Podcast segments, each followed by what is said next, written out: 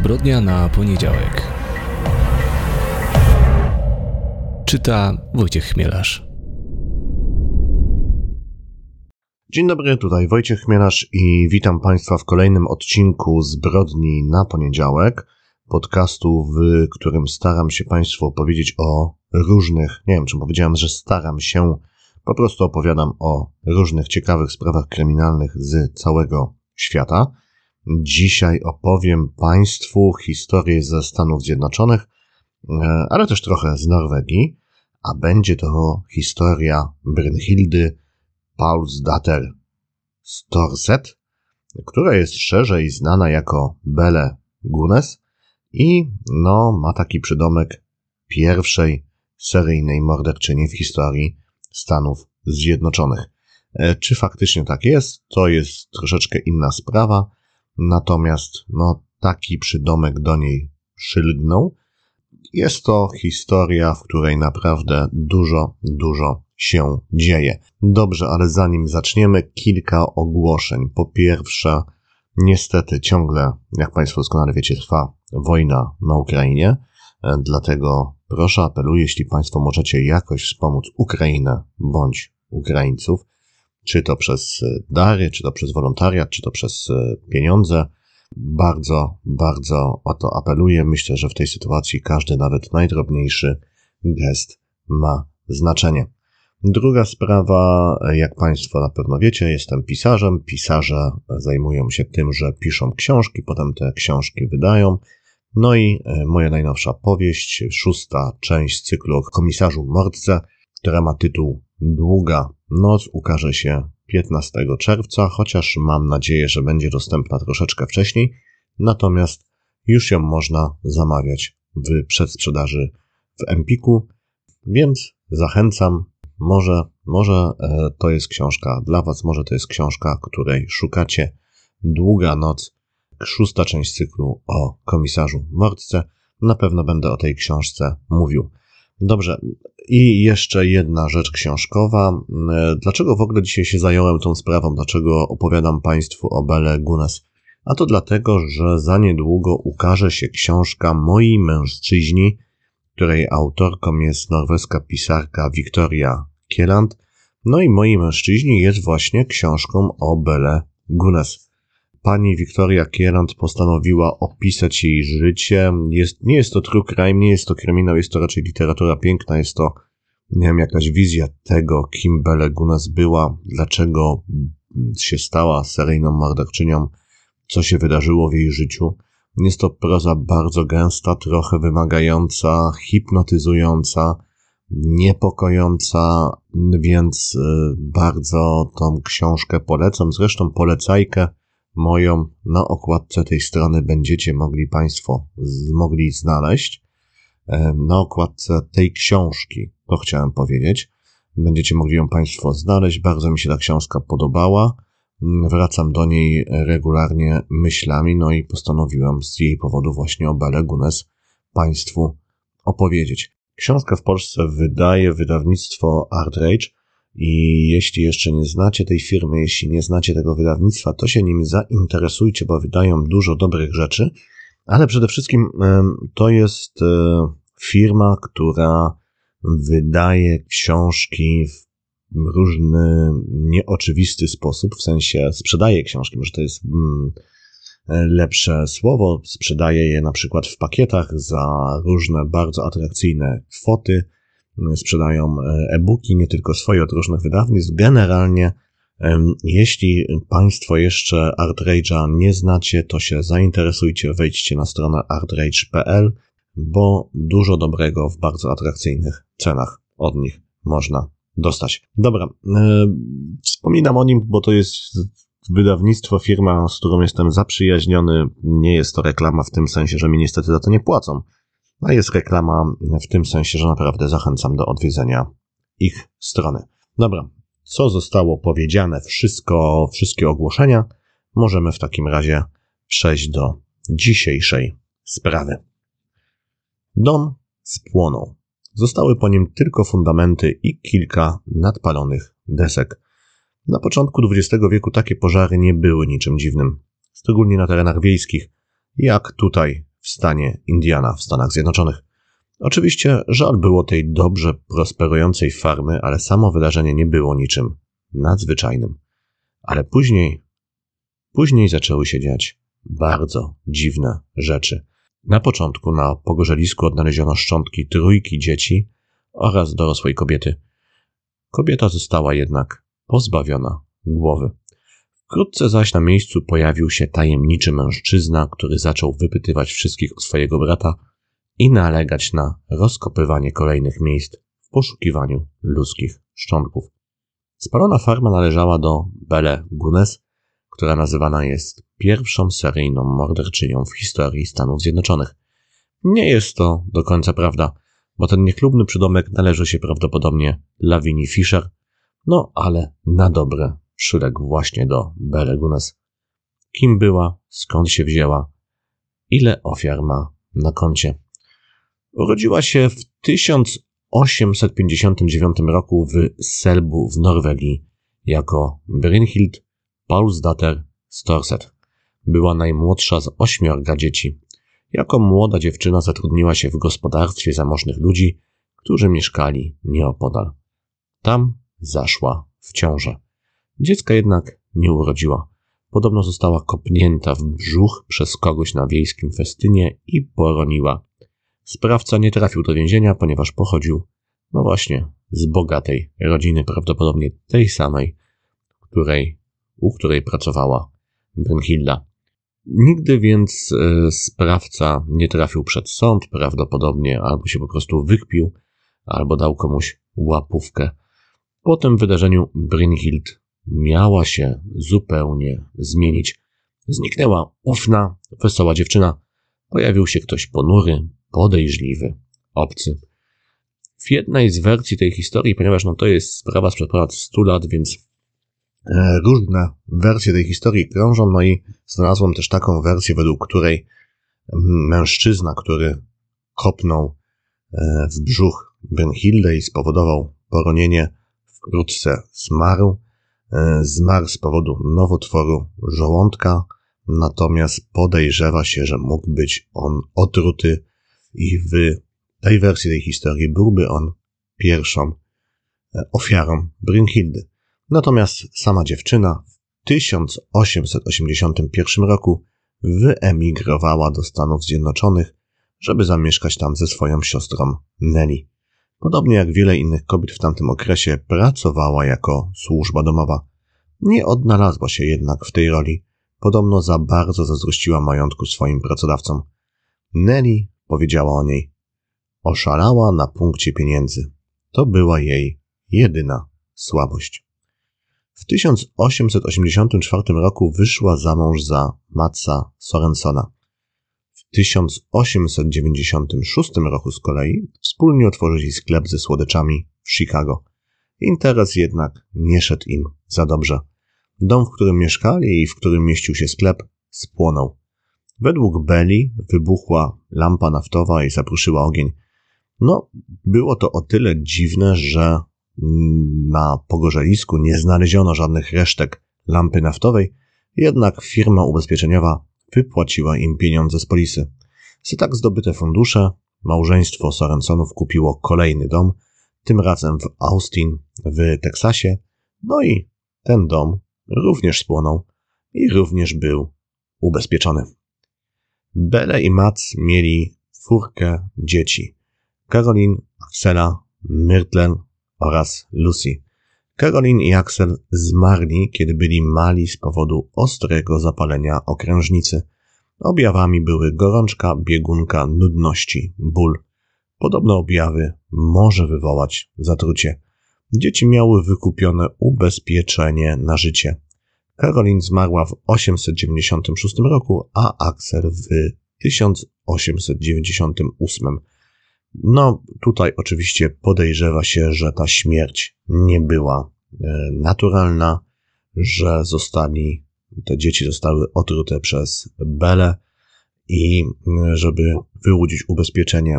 Czy e, tak było, czy jest to prawdopodobne, powiem szczerze, nie wiem. Tutaj możemy tylko spekulować.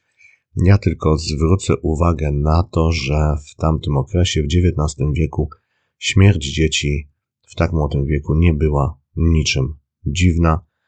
Dziwnym zupełnie inny był stan medycyny, zupełnie mm, inaczej się wtedy żyło, więc wydaje mi się, że są to takie trochę spekulacje związane z tym, co się wydarzyło w życiu Bele Gunes później. A ja chyba Państwu nie powiedziałem, kiedy Bele Gunes stała się Bele Gunes, ponieważ e, w Norwegii funkcjonowała jako Brynhilda Paulsdatter Torset. No, ona zmieniła imię i nazwisko na statku podczas podróży do Stanów Zjednoczonych, ponieważ no, chciała się nazywać prościej. Mm, był to jakiś pewnie rytuał przejścia, odcięcia się od dawnego norweskiego życia. Więc e, w momencie, kiedy przyjechała do Stanów Zjednoczonych, była już Bele, a nie Brynhildą. Dobrze, więc powiedziałem o tej śmierci dwójki dzieci. Osobiście uważam, że Bele nie miała nic wspólnego z ich śmiercią, ale mogę się tutaj mylić. Natomiast kolejny zgon osoby bliskiej Bele jest już bardzo zagadkowy i daje dużo do myślenia. Ach, z kolei chodzi no właśnie o męża Bele, który zmarł 30 czerwca 1900 roku. No i ta data jest tutaj szczególnie ważna, bo ona daje najwięcej do myślenia. Ten 30 czerwca był to bowiem ostatni dzień starej policji na życie mężczyzny oraz pierwszy dzień nowej. A więc był to jedyny moment, kiedy w wypadku śmierci Bele otrzymałaby odszkodowania, odszkodowanie z obu polis. No i właśnie tak się stało. Mężczyzna cierpiał z powodu przerostu serca. Tamtego dnia poczuł się gorzej. Według Bele skarżył się na ból głowy. Żona podała mu chininę, która była wtedy popularnym lekarstwem, no dosłownie na wszystko, co tylko możliwe. Zeznała, że kiedy wróciła do niego po dwóch godzinach, już nie żył. Lekarz, który badał Matsa, początkowo podejrzewał, że Bele być może przez przypadek zamiast chininy podała mu morfinę. Chciał sprawdzić e, lekarstwo, którym podała kobieta, jednak powiedziała, że zdążyła już wyrzucić opakowanie po proszku. Podobne objawy, na jakie miał cierpieć tamtego dnia mężczyzna, no, są wtedy, kiedy człowiek jest zatruty strychniną. Ostatecznie jednak uznano, że mężczyzna zmarł z przyczyn naturalnych, a Bele dostała odszkodowanie w wysokości 8500 dolarów, co jest równowartością około 100 tysięcy dolarów obecnie. No i za te pieniądze kupiła farmę Laporte w stanie Indiana, gdzie przeprowadziła się razem ze swoimi dziećmi i adoptowaną dziewczynką Jenny Olsen. No i zatrzymajmy się jeszcze na tych y, dzieciach, czyli na Myrtle oraz y, Lucy, ponieważ y, no tutaj nie do końca wiadomo, czy to faktycznie były dzieci Belle. Są jakieś przypuszczenia, że to mogły być dzieci adoptowane, przysposobione, że Belen nie mogła zajść w ciążę albo roniła, będąc w ciąży. Znowu to są przypuszczenia, to są różne wersje tej historii. Nie wiem, która wersja jest prawdziwa, natomiast żeby wszystko Państwu opowiedzieć, no to o tym też trzeba było wspomnieć. W Laporte Bele Gunes, e, no właśnie, wtedy Sorensen, e, skąd się wzięło nazwisko Gunes, no więc wzięło się stąd, że 1 kwietnia 1902 roku wzięła ślub z Peterem Gunesem. Po tygodniu ich wspólnego życia zmarła córka Gunesa z pierwszego małżeństwa. No i zmarła znowu w dziwnych okolicznościach, ponieważ była wtedy sama w domu z Bele. Z kolei sam Peter umarł już w grudniu 1902 roku w dość makabrycznych okolicznościach, Według oficjalnej wersji, podczas drzemki spadła mu na głowę maszynka do mielenia mięsa. Koroner uznał wypadek za dziwny, ale nie dopatrzył się przestępstwa. Bele dostała 3000 dolarów z polisy ubezpieczeniowej Petera Gunesa. Mamusia zabiła tatusia, uderzyła go maszynką do mięsa i umarł. Nie mów o tym nikomu, zdradziła jednemu ze swoich kolegów ze szkoły, Jenny Olsen, czyli ta dziewczynka, która była adoptowaną córką Bele. Ona zresztą wkrótce zniknęła. i Bella opowiadała, że wysłała ją do szkoły luterańskiej w Kalifornii. Że w gazetach w Ameryce wydawanych dla emigrantów z Norwegii zaczęło pojawiać się ogłoszenie. Osobiste. Urodziła wdowa, która posiada dużą farmę w jednej z najlepszych dzielnic w hrabstwie Laporte, Indiana, pragnie związać się z dżentelmenem o podobnych zasobach z perspektywą na połączenie fortun. Żadnych odpowiedzi na listy, chyba że nadawca jest gotowy na osobistą wizytę. Lekko duchy, niemile widziane. Autorką tego ogłoszenia była Belle Gunes.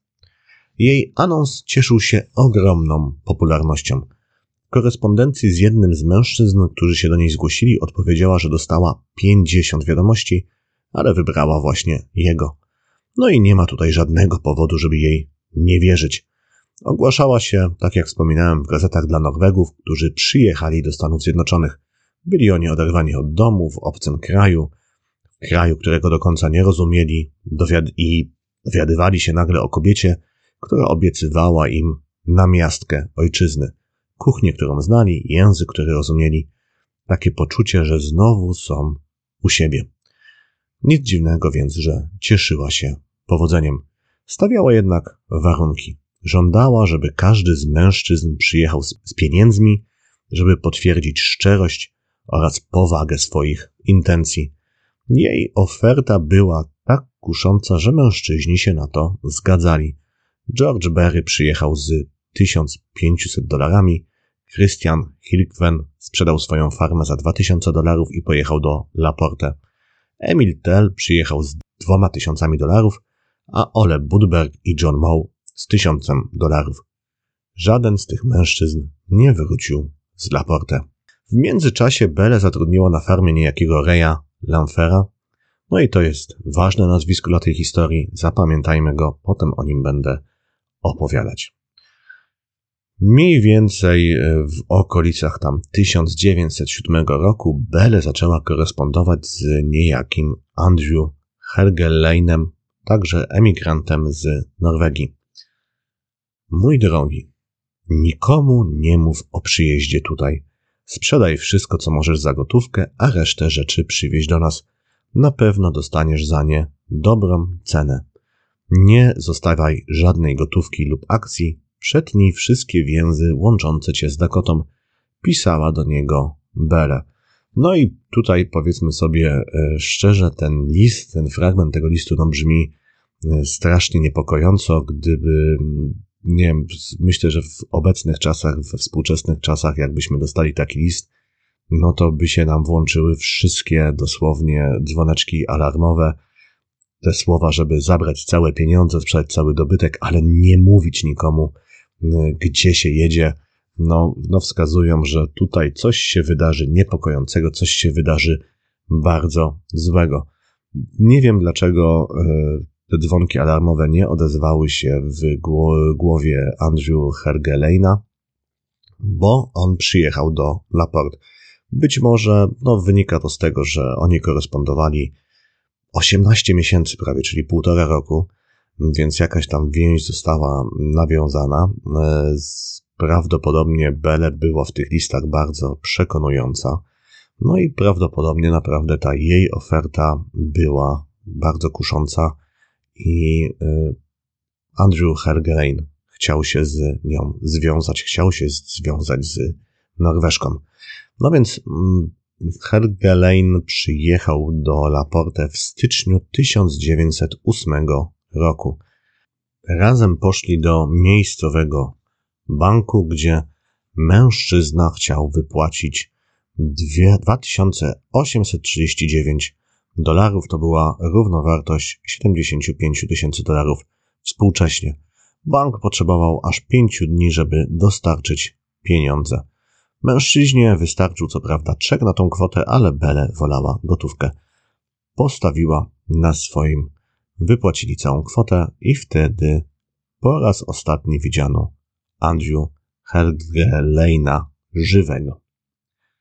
No ale w przeciwieństwie do innych mężczyzn, którzy przyjeżdżali do Bell, Andrew Hergelein miał krewnych w Stanach Zjednoczonych, a konkretnie brata Asla, który interesował się jego losem. Asl pisał do Belle, domagając się informacji o Andrew. Ona odpowiadała mu, że sama chciałaby wiedzieć, co się stało z mężczyzną. Sugerowała, że Andrew wsiadł na statek i wrócił do Norwegii. Asl nie dawał się jednak na to nabrać. No, równocześnie natomiast pogarszały się stosunki Bele z wspomnianym wcześniej Rajem Lamferem, który był prawdopodobnie jej kochankiem. Mężczyzna zaczynał się robić zaborczy, robił się zazdrosny o tych wszystkich mężczyzn, którzy odwiedzali Belę. No i skończyło się to tak, że kobieta podobno wyrzuciła go z pracy, ale no, wyrzuciła go z pracy, ale Lamfera ciągle widywano na farmie i ciągle wykonywał tam różne roboty. Kobieta pewnego dnia pojawiła się u adwokata i sporządziła tam testament. Boję się, że mnie zabije i podpali dom. Powiedziała, mając na myśli właśnie Raja Lamfera. Zostawiła cały swój majątek dzieciom i sierocińcowi w Chicago. Pożar wybuch następnej nocy, 28 kwietnia o godzinie 4 nad ranem. W spalonym domu znaleziono ciała trójki dzieci i dorosłej kobiety, której obcięto głowę. No, początkowo uważano, że ogień zastał dzieci, kiedy spały w swoich sypialniach na drugim piętrze budynku, ale na ich ciałach znaleziono fortepian, który znajdował się na pierwszym piętrze. Z tego e, śledczy doszli do wniosku, że dzieci w chwili śmierci znajdowały, znaczy, że w chwili wybuchu pożaru albo dzieci znajdowały się w piwnicy, albo ich ciała tam przeniesiono. W sieci znajdują się zdjęcia z tego pogorzeliska. Widziałem to, co zostało z domu. No i ten dom spłonął absolutnie i całkowicie. No, zostały właściwie tylko fundamenty i bodajże tam resztki jednej ściany. Więc wyglądało to paskudnie. No i notabene, też taki szczegół poprzedniego dnia, oprócz tej wizyty u adwokata, gdzie Beles zrobiła swój testament, sporządziła testament, widziano ją w sklepie, gdzie kupowała naftę. Kilka dni później, na początku maja, no, w okolicy pojawił się tajemniczy mężczyzna, który zaczął wypytywać wszystkich o swojego brata i nalegać na rozkopywanie kolejnych miejsc w poszukiwaniu ludzkich szczątków. Tym mężczyzną był właśnie Asle Helgelein. Asle musiał być na tyle przekonujący, że spełniono jego prośbę i wkrótce na farmie odnaleziono zakopane zwłoki. Należały do mężczyzn, którzy odpowiedzieli na ogłoszenie Bele. Było ich jedenastu. Znaleziono również szkielet małej Jenny Olsen. To jednak nie koniec tej historii, pozostało bardzo wiele znaków zapytania. Przede wszystkim związane one były z ciałem kobiety, której pozbawiono głowy. No więc początkowo uznano, że zwłoki należą do Bele Gunes. Ale te zwłoki, kobieta, do której należały te zwłoki, była jednak zbyt lekka i za niska. Miejscowy dentysta stwierdził, że jeśli uda się znaleźć uząbienie Bele, no to będzie w stanie ją zidentyfikować. No i faktycznie na miejscu zatrudniono byłego górnika, niejakiego Luisa Klondike Schulza, który miał przekopać te e, ruiny domu. No i ten Schulz znalazł w tym pogorzelisku mostek z dwoma ludzkimi zębami, porcelanowym zębem i złotą plombą. Dentysta stwierdził, że wykonywał dokładnie właśnie taki mostek i y, Bele Gunes. No więc y, w ten sposób tą zmarłą kobietę zidentyfikowano właśnie jako Bele Gunes. Ale, no właśnie, późniejsi świadkowie twierdzili, że Schulz wyciągnął ten mostek z kieszeni. Kiedy przeszukiwał y, pogorzelisko, po prostu przyniósł go ze sobą, a eksperyment procesowy pokazał, że taki mostek nie byłby w stanie, tak dobrym stanie właśnie przetrwać pożarów. Niemniej Gunes uznano za zmarłą. No dobrze, ale o jakim procesie mówię? No więc początkowo podejrzewano, że w zbrodniach pomagał jej Ray Lamfer, ten zazdrosny kochanek, którego ona się obawiała, że podpali dom i ich wszystkich zabije. Nie udowodniono mu żadnych zbrodni, nie udowodniono mu, że pomagał Bele w dokonywaniu zabójstw. Natomiast on sam zeznał, że o tej czwartej nad ranem był w okolicy, widział ogień w domu, ale nikogo o tym pożarze nie zawiadomił, ponieważ bał się, że no, zostanie oskarżony o podpalenie, co oczywiście natychmiast postawiło go w złym świetle. E, Reya Lamfera o podpalenie oczywiście oskarżono. W procesie został skazany na, no właśnie, ten dziwny wyrok, który znalazłem, nie wiem czy on jest prawdziwy, ale e, według tego wyroku miał odsiedzieć od 2 do 20 lat więzienia, więc bardzo duża rozpiętość tej kary. Myślę, że tutaj dziennikarz, który to opisywał, coś się pomylił. W każdym razie za to podpalenie Ray Lamfer trafił do więzienia. No i właśnie podczas procesu jakby obroną, obrona stawiała tezę, że to sama Belle Gunes podpaliła ten dom. Chcieli obalić tą identyfikację zwłok, no i właśnie wtedy poproszono dentystów o wykonanie podobnego mostku e, i mm, atrapy czaszki. Potem podpalono to wszystko i podczas tego właśnie eksperymentu pokazano, że te, no, ten sztuczny ząb by się zniszczył, złoto by się stopiło, no i na pewno po takim pożarze, jaki wybuchł w domu Bele Gunes, ten mostek nie byłby w takim dobrym stanie. Ale cała ta obrona też zaczęła tą plotkę, że Bele Gunes faktycznie nie zginęła wtedy podczas tego pożaru, że mm, zabiła swoje dzieci właśnie to jest, o tym nie wspomniałem, ale dodam, że skąd trójka dzieci, jak miała dwójkę, no więc y, po już po śmierci Petera Gunesa okazało się, że jest w ciąży i urodziła syna Filipa. Dobrze, więc y, według tej wersji miałaby ona zabić swoje dzieci i uciec. Sam y, Ray Lamfer w więzieniu zachorował i umarł, no i podobno na łożu śmierci przyznał się do tego, że pomógł Bele Gunes uciec. Odwiózł ją na stację kolejową i faktycznie pomagał jej w tej wszystkich mm, zbrodniach i wyznał, że wspólnie mieli zabić ponad 40 mężczyzn.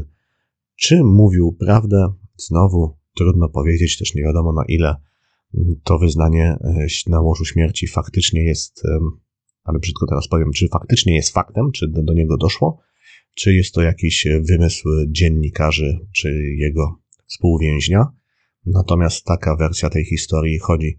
Os wiele osób, które zajmują się tą sprawą, no bardzo mocno sugeruje, że Bele Gunes uciekła, że czuła, bo Asur co chwila jej wysyłał listy, chciał się dowiedzieć, co się dzieje z Andrew.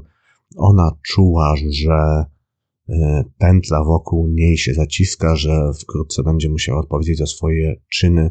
No i postanowiła sfingować swoją śmierć, podpaliła dom równocześnie urządzając to wszystko tak, żeby zrzucić podejrzenie na Reja Lamfera. E, no i stąd właśnie ta wizyta u adwokata i te słowa, że ona się boi, że e, on ich zabije, a potem podpali dom. No taka bardzo precyzyjna, aż podejrzanie precyzyjna prognoza, wróżba, biorąc pod uwagę, co się stało zaledwie kilkanaście godzin później. Wtedy, kiedy te zbrodnie zaczęły wychodzić na jaw, kiedy ludzie zaczęli wykopywać na tej farmie kolejne zwłoki, no sprawa stała się sensacją. Na tą farmę przyjeżdżało dosłownie dziesiątki tysięcy y, ludzi, żeby to oglądać. Teren został ogrodzony, ogrodzony i tam gapie stali na zewnątrz i to wszystko obserwowali. Y, miasteczko no, przeżywało naprawdę y, niesamowity najazd takich makabrycznych turystów. Sama Bere zaś była nazywana e, czarną wdową, no i stała się taką ogólnokrajową sensacją. Także e, media w Stanach Zjednoczonych, gazety w Stanach Zjednoczonych e, sugerowały, że ona mogła uciec. Tam nawet zatrzymano kilka osób, które podejrzewano o to, kilka kobiet, które podejrzewano o to, że są Belą, natomiast wszystkie okazały się niewinne. No, ślad po Beli, jeśli to faktycznie nie ona została, mm, e, nie ona zginęła w tym pożarze, to ślad po niej zaginął. A kim miałaby być ta kobieta? No więc y, podobno Ray Lanfer sugerował, że kilka dni wcześniej Belle zatrudniła y, służącą, no i właśnie ta służąca została zabita, pozbawiona głowy i mm, jej ciało zostało spalone. To pozbawienie głowy, no, daje bardzo dużo do myślenia, bardzo to jest makabryczny szczegół. Nie potrafię sobie wyjaśnić, skąd to by się mogło wziąć, jeśli nie z tego, że ktoś chciał, no, ukryć tożsamość zamordowanej kobiety. E, nie wiemy tak naprawdę, więc moim zdaniem, co się stało z Bere Gunes. W latach 30. zatrzymano niejaką Esther Carlson, to była Norweszka, Mm, która została, no właśnie, co się wydarzyło? Ona się opiekowała takim starszym mężczyzną, który e, zmarł i mm, jego syn przyjechał na miejsce i się zorientował, że zniknęły wszystkie oszczędności mężczyzny. To było ponad 2000 dolarów, że ktoś wypłacił wszystkie pieniądze z jego konta. Okazało się, że to zrobiła właśnie Esther Carson na podstawie sfałszowanych dokumentów. E, syn zażądał e, wykopania zwłok ponownej sekcji, no i podczas tej ponownej sekcji okazało się, że mężczyzna, został po prostu otruty i to jakąś ogromną dawką arszeniku. No i Esther Carson została e, natychmiast zatrzymana, aresztowana i trafiła do, do więzienia, czekając na proces. Mm, okazało się też, jak potem zaczęto śledzić jej dokonania, że w takich dosyć dziwnych okolicznościach zmarł jej mąż, bo to on się co prawda utopił, ale no to utonięcie sugeruje, że wcześniej został otruty. Też w dziwnych okolicznościach zmarł inny mężczyzna, którym Esther Carson się e, zajmowała. Dlaczego o niej opowiadam? No więc dlatego, że ona była Norweszką i bardzo szybko, ze względu na to, że ten sposób E, zabijania e, był bardzo podobny do tego, e, jak zabijała Belle Gunes. Mm, bardzo szybko media amerykańskie ukryły taką tezę, że to właśnie Esther Carson jest Belle Gunes. Co więcej, podobno w jej rzeczach osobistych znaleziono zdjęcie trójki dzieci, pomimo tego, że sama Esther Carson dzieci nie miała. Natomiast y, prawdopodobnie y, Esther Carson po prostu była sobą, nie była Bele Gunes. Ona pochodziła z Norwegii, tak jak Bele Gunes, y, natomiast była o 10 lat młodsza. No i nawet ówczesne gazety przyznawały, że bardzo jednak różni się wyglądem. Pewnie dałoby się to jakoś podczas procesu wyjaśnić, natomiast do procesu nie doszło, ponieważ Pani Carson była chora na gruźlicę i zmarła w areszcie.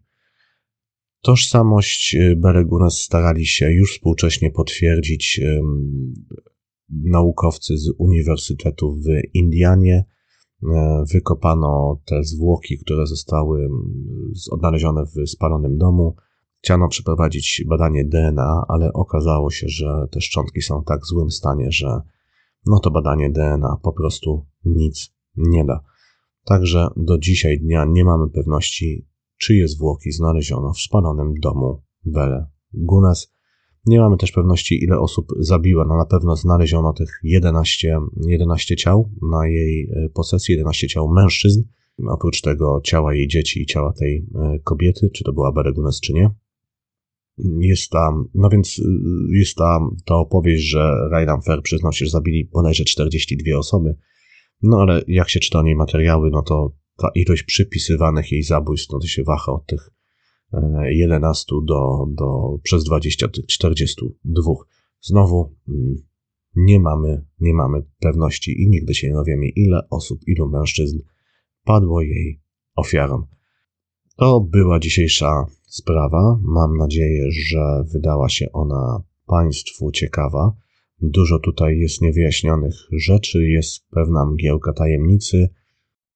No i chyba po raz kolejny musimy się pogodzić z tym, że nie wszystkiego możemy się dowiedzieć, że pewne rzeczy na zawsze pozostaną niewiadomą. Ja już będę kończył. Przypominam tylko raz jeszcze y, o moim apelu o pomoc Ukrainie bądź uchodźcom z Ukrainy właśnie. Uważam, że w chwili obecnej takie gesty, nawet drobne, bardzo, bardzo się liczą.